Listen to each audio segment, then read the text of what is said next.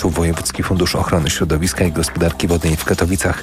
Program realizowany od 2019 roku adresowany jest do pszczelarzy, którzy w pasiekach mają mniej niż 10 uli, informuje prezes Katowickiego Funduszu Tomasz Bednarak. W tym projekcie chodzi o to, aby wesprzeć tych małych pszczelarzy, nie tych, którzy mają w tych swoich pasiekach dziesiątki czy setki uli. Wymiana uli na nowe zdecydowanie poprawia dobrostan pszczół, mówi prezes Śląskiego Związku Pszczelarzy Zbigniew Binko. Dużo łatwiej jest dezynfekcję przeprowadzić i dużo łatwiej jest, powiedzmy, tak bardziej higieniczny sposób prowadzić y, pasiekę. Śląski Związek Pszczelarzy liczy niemal 3000 członków. Jedna trzecia z nich to pszczelarze mający mniej niż 10 uli. Teraz prognoza pogody. Pogoda. Aktualnie od 27 stopni na północnym wschodzie, przez 32 w centrum do 35 na zachodzie. W nocy również na zachodzie zachmurzenie umiarkowane, stopniowo wzrastające do dużego. Mogą pojawić się też przylotne opady deszczu i burze. Temperatura od 15 stopni na północnym wschodzie i w rejonach podgórskich do 21 na Dolnym Śląsku i Pomorzu. Radio TOK FM. Pierwsze radio informacyjne. Skołowani. Dzień dobry, Krzysztof Woźniak przed mikrofonem. Zapraszam na kolejnych skołowanych. Dzisiejsza audycja jest y, początkiem pewnego cyklu, w którym podsumowane będą 8 lat działania Zjednoczonej Prawicy, rządu polskiego, jeśli chodzi o szeroko rozumiany transport. Y, sporo y, tych tematów w tym szerokim temacie jest. Myślę, że do wyborów zdążymy omówić znaczną część. Nieco tydzień będzie poświęcony odcinek temu cyklowi, ale, ale myślę, że spokojnie spokojnie do tego 15 października czy 22 października, w zależności od tego, kiedy będą wybory, to, to znaczną e, część tego omówimy. Mm, zaczniemy od moim zdaniem najważniejszej sprawy, mianowicie wykluczenia transportowego. Państwa i moim gościem jest Iwona Budych, prezeska Stowarzyszenia Wykluczenie Transportowe. Dzień dobry. Dzień dobry panu, dzień dobry państwu. E, z panią prezes spotykamy się już nie pierwszy raz, jeżeli chodzi o temat wykluczenia komunikacyjnego, no i nie może być inaczej, jeżeli chodzi o podsumowanie.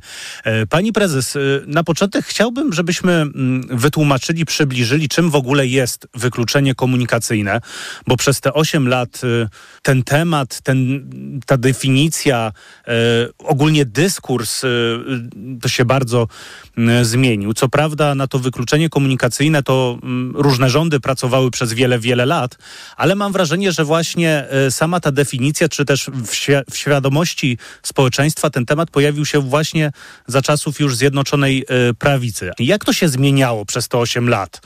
E, bo mam trochę wrażenie, że no właśnie ten temat już jest tak omówiony z wielu stron, że nie do końca wszyscy zdają sobie sprawę, czym on właściwie jest, e, czym właściwie jest to wykluczenie transportowe, komunikacyjne. Dobrze, to może zacznijmy od początku. Czym jest w ogóle wykluczenie transportowe, bo przyjęło się, przyjęło się w mm, takiej opinii powszechnej, że wykluczenie transportowe jest y, to zjawisko, mm, kiedy do, z punktu A do punktu B nie dojeżdża żaden transport publiczny, czy to połączenie kolejowe, czy autobusowe. E, natomiast my, jako stowarzyszenie, e, bardzo często zwracamy uwagę, że oczywiście to też jest poprawna definicja, natomiast e, my rozróżniamy jeszcze wykluczenie transportowe w kontekście tego, że do miejscowości, z miejscowości A do miejscowości B dojeżdża jakiś transport publiczny, ale są to jedna dwie pary połączeń dziennie i zazwyczaj są to mm, w godzinach niedopasowanych do potrzeb pasażerów i wtedy też możemy mówić o wykluczeniu transportowym, no bo nie zaspokaja on podstawowych potrzeb życiowych młodzieży, osób starszych czy osób e, z niepełnosprawnością. W ogóle, mm, tak jak teraz e, badamy, jak to wykluczenie transportowe, e, jakich jest rozmiarów, gdzie w ogóle transport publiczny istnieje lub nie, e, no to wykluczenie, wykluczeniem transportowym będzie też wykluczenie mm, w bardzo wielu miejscach gmin, gdzie ten transport co prawda funkcjonuje i on funkcjonuje w znacznej ilości połączeń, natomiast są to połączenia wyłącznie od godziny 7.30 do 15.30, czyli wyłącznie w momencie e, e, odbywania się zajęć szkolnych, tak żeby dzieci do wyjścia do szkoły i żeby one mogły z tego wrócić. W istocie taki transport nie zaspokaja potrzeb mieszkańców, no i osób, które chciałyby na co dzień e, z niego korzystać do, w godzinach dopasowanych do ich potrzeb, już nie mówiąc o wakacjach, podczas których ten transport zamiera całkowicie, ale jest też gru druga grupa czynników, która e, według nas warunkuje zjawiska, zjawisko wykluczenia transportowego, do której zaliczamy chociażby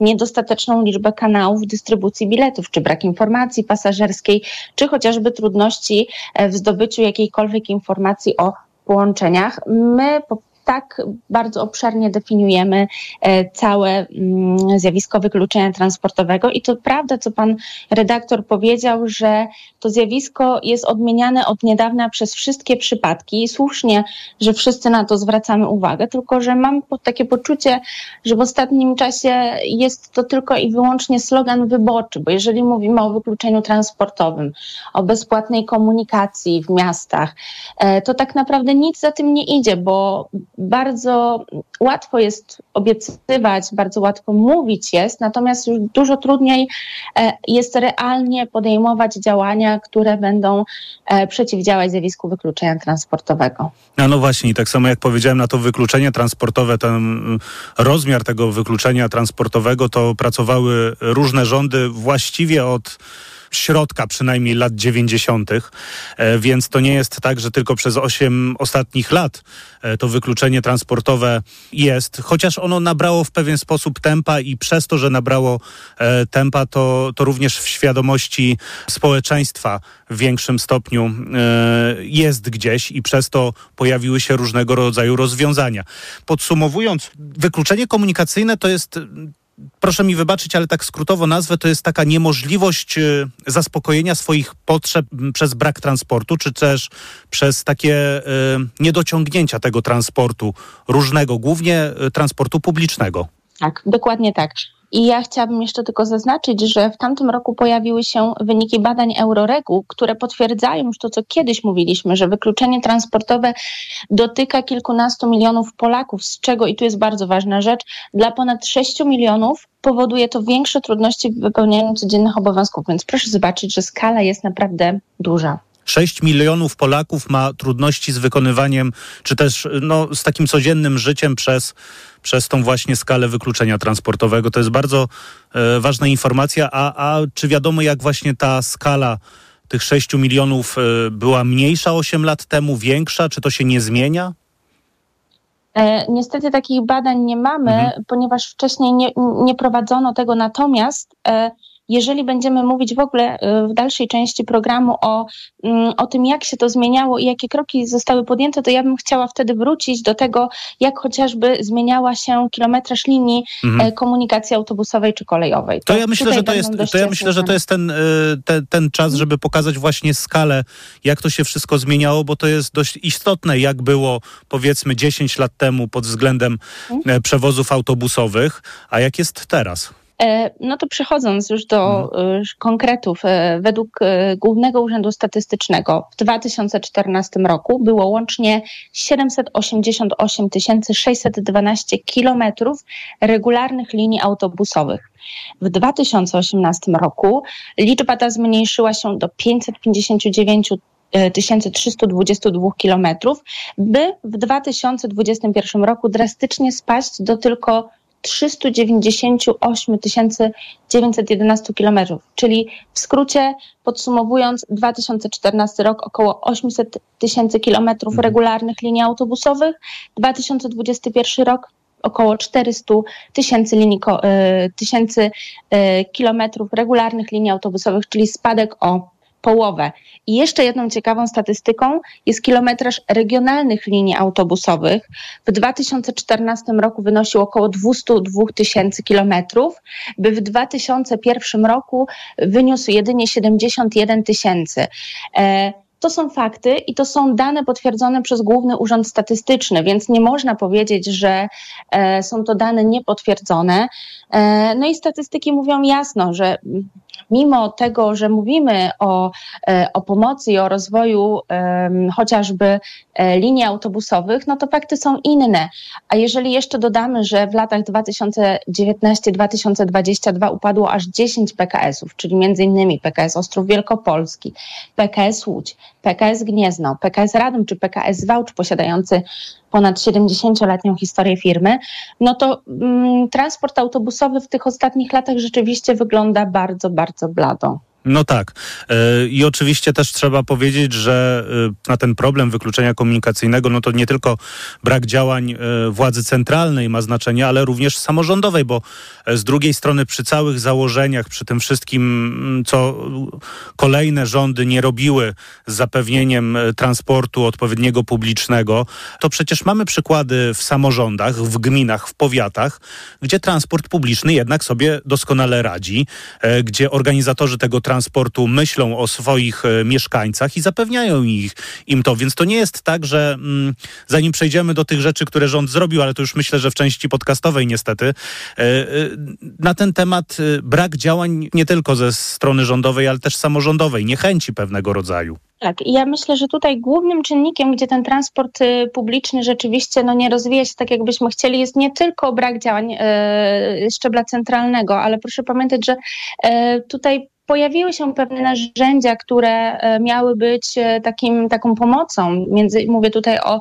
Funduszu Rozwoju Przewozów Autobusowych, gdzie rzeczywiście w jakimś stopniu on wpłynął na rozwój połączeń, natomiast ja nie przypisywałabym tutaj e, znaczącej i kluczowej roli, bo te, tych połączeń po prostu nie ma, a biorąc pod uwagę trudne czasy i sytuację gospodarczą, no to ten fundusz po prostu sprawił, że te połączenia, które które mm, miały być zlikwidowane, jeszcze jakoś funkcjonują. Natomiast to nie jest odpowiedź na, na pełen problem, to jest pewien bypass, żeby, żeby wspomóc tą trudną sytuację. Natomiast jeśli Pan mówi o samorządach, to tak. Ja, ja wielokrotnie widziałam e, i doświadczyłam tego e, w swojej pracy zawodowej, że e, to właśnie w samorządach, to właśnie we, włodarze gmin musi tutaj być istota i chęć chęć i istota zrozumienia funkcjonowania transportu publicznego, że on musi być i że e, bardzo jest potrzebne jego rozwijanie. I są takie dobre przy, mm, przy, e, przykłady, bo są samorządy, które łączą się w związki powiatowo-gminne, w związki międzygminne i naprawdę zapewniają tą komunikację na takim bardzo dobrym poziomie. E, natomiast są też e, miejscowości, są też gminy, gdzie po prostu ten transport nie funkcjonuje, bo włodarze jasno opowiadają, że skoro mamy połączenia komercyjne, zapewniamy w minimum e, połączenia dowozu dzieci do szkół, no bo tego wymaga od nas ustawa, no to tak naprawdę my nie widzimy sensu w tworzeniu połączeń autobusowych. I tutaj jest bardzo ważne, żeby, żeby uświadamiać też włodarzy gmin, że ten transport i rozwój e, transportu publicznego jest potrzebny. A no właśnie, a no właśnie i o tych potrzebnych rzeczach, które są do zrobienia, które mogły być wykonane przez ostatnich 8 e, lat, co było zrobione, o tym już porozmawiamy w części e, podcastowej. Iwona Budych, prezeska Stowarzyszenia Wykluczenie Transportowe. E, zachęcamy do wysłuchania naszej całej rozmowy w systemie podcastowym na tok.fm.pl lub w aplikacji mobilnej. A za kilka minut na antenie Radio Tok FM informacje, audycję realizował Maciej Golczyński. Bardzo dziękuję. Po informacjach Anna Gmiterek-Zabłocka, Twój problem, moja sprawa. Krzysztof Woźniak, kłaniam się nisko, do usłyszenia. Skołowani. Mamy do czynienia z krwawą rzezią, po prostu tysiące ludzi ginie. To już niestety telegramowe grupy po prostu są zalewane tymi zdjęciami ofiar. Po stronie ukraińskiej, rosyjskiej oczywiście też. Wszyscy widzieliśmy zdjęcia i filmy z Buczy. Wiemy, jakie okropieństwa popełniali tam Rosjanie. Niemniej bardzo ważne jest, by jeździć w te miejsca i widzieć skalę tych zbrodni na własne oczy. Mamy do czynienia z prawdziwym zderzeniem cywilizacji, z barbarzyństwem, któremu Ukraińcy stawiają czoła. Musimy robić wszystko, tego, by Zachód nadal wspierał Ukrainę. Rosja nie może wygrać tej wojny. Radio TOK FM. Pierwsze radio informacyjne. Posłuchaj, ściub zrozumite. Autopromocja. Mała władza. Tylko w TOK FM Premium. Zaprasza Andrzej Andrysiak. Władza degeneruje, a władza absolutna degeneruje absolutnie. Ta prawda dotyczy także polskiego samorządu. Gdy nikt cię nie kontroluje, gdy masz własne media propagandowe i setki miejsc pracy, które możesz rozdawać swoim, jesteś nie do ruszenia. Pojechałem do małych miejscowości, by przyjrzeć się, jak wójtowie, burmistrzowie i prezydenci zarządzają Polską lokalną. Mała władza. Tylko w TOK FM Premium. Słuchaj na tokefm.pl ukośnik władza lub w aplikacji mobilnej. TOK FM. Autopromocja. Reklama. A teraz słów kilka, jak płacić blikiem zbliżeniowo za granicą. Grecja. Płacąc blikiem zbliżeniowo mówimy anepafa. Meksyk. Płacąc blikiem zbliżeniowo mówimy sin contacto. Proszę sobie powtarzać i utrwalić. Za granicą płacimy blikiem zbliżeniowo bezpiecznie, wygodnie i bez opłat za przewalutowanie. Za granicą blikiem zbliżeniowo zapłacisz na terminalach zbliżeniowych akceptujących płatności Mastercard. Sprawdź dostępność i warunki usługi w swoim banku. Lato to słońce, upał i dużo ruchu na świeżym powietrzu. Upały to nie są żarty. Osłabienie, ciągłe pragnienie i brak energii wraz z potem możesz stracić cenne elektrolity i minerały. Potrzebujesz orzeźwienia.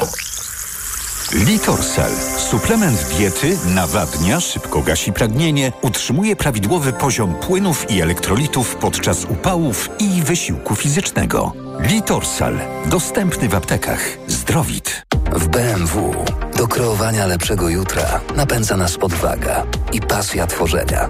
To dzięki nim od lat dajemy radość z jazdy. To ona nas wyróżnia.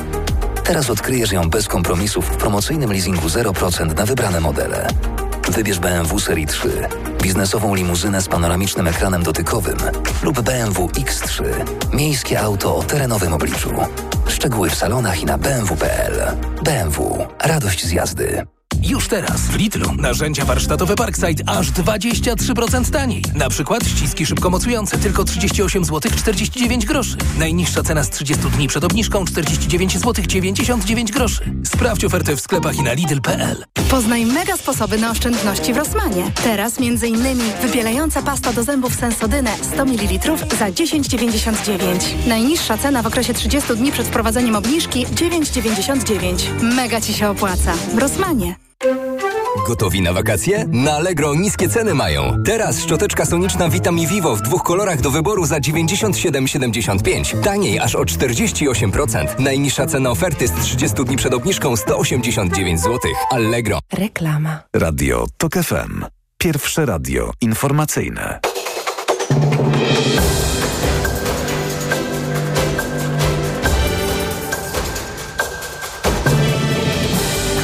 Dwadzieścia Marcin Grzebielucha. Miasto Kraków opublikowało w mediach społecznościowych nagranie, tu cytat, ku przestrodze, z wypadku, w którym w nocy przy moście Dębnickim zginęło czterech młodych mężczyzn. Z monitoringu wynika, że kierowca jechał z dużą prędkością i stracił panowanie nad kierownicą. Ukraińska Straż Graniczna rejestruje przemieszczanie się na Białorusi poszczególnych oddziałów najemniczej rosyjskiej grupy Wagnera, poinformował rzecznik ukraińskiej straży Andrzej Demczenko. Pierwsze doniesienia o możliwym skierowaniu grupy Wagnera na Białoruś pojawiły się pod koniec czerwca. Około tysiąca migrantów przybyło na włoską wyspę Lampedusa minionej doby. Podała agencja ANSA z miejscowymi służbami. Łącznie przypłynęły 24 łodzie z ludźmi. A więcej informacji w pełnym wydaniu o 16. Radio TOK FM. Pierwsze radio informacyjne.